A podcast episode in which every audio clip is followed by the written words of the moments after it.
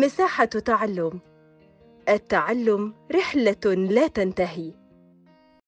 أحييكم أنا وحيد أحمد وأقدم لتلاميذ الصف الثامن من أبناء الجالية السودانية الذين يجلسون لامتحان الشهادة بعد أيام قليلة امتحان المادة العلم في حياتنا.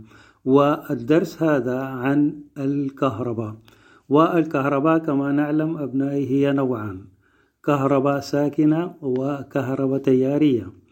الكهرباء الساكنة هي التي نحصل عليها بإحدى الطرق التالية وهي الدلك أو التأثير أو الملامسة وهي ساكنة بمعنى أنها لا تتحرك في مكانها ونحصل إليها عندما ندلك جسمان مع بعضهما البعض.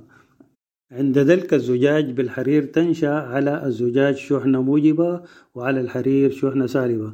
أما عندما ندلك الصوف بالبلاستيك فتنشأ على الصوف شحنة سالبة وعلى البلاستيك شحنة موجبة. وهذه الكهرباء الساكنة عند دلك أي جسم بجسم آخر تكون شحنة الجسم الدالك مخالفة لشحنة الجسم المدلوك ومساوية له في المقدار. كما ذكرت أن طرق التكهرب هي الدلك والتلامس والتأثير.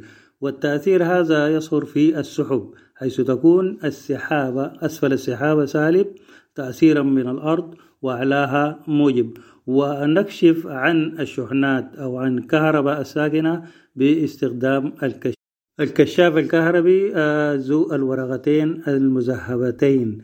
وفي بحثنا عن هذا الكشاف نلاحظ الملاحظة التالية. عندما نحاول الكشف عن شحنة من جسم ما ولم نلامس بهذا الجسم قرص الكشاف فإن الشحنة التي تتكون على الورقتين تكون مشابهة لشحنة الجسم المشحون بينما تخالف شحنة القرص هذه الشحنة. أما إذا لامسنا فإن الشحنة التي تتكون على الورقتين وعلى القرص الكشاف تكون متشابهة. أما الكهرباء التي تحصل نتيجة تراكم السحب تسمى الكهرباء الجوئية وأهم ما فيها البرق وتعريفه هو تفريغ كهرباء يتم ما بين السحب والصاعقة وهي تفريغ كهربي يتم ما بين السحب والأرض. هذا عن الكهرباء. الساكنة تقريبا. والسلام عليكم ورحمة الله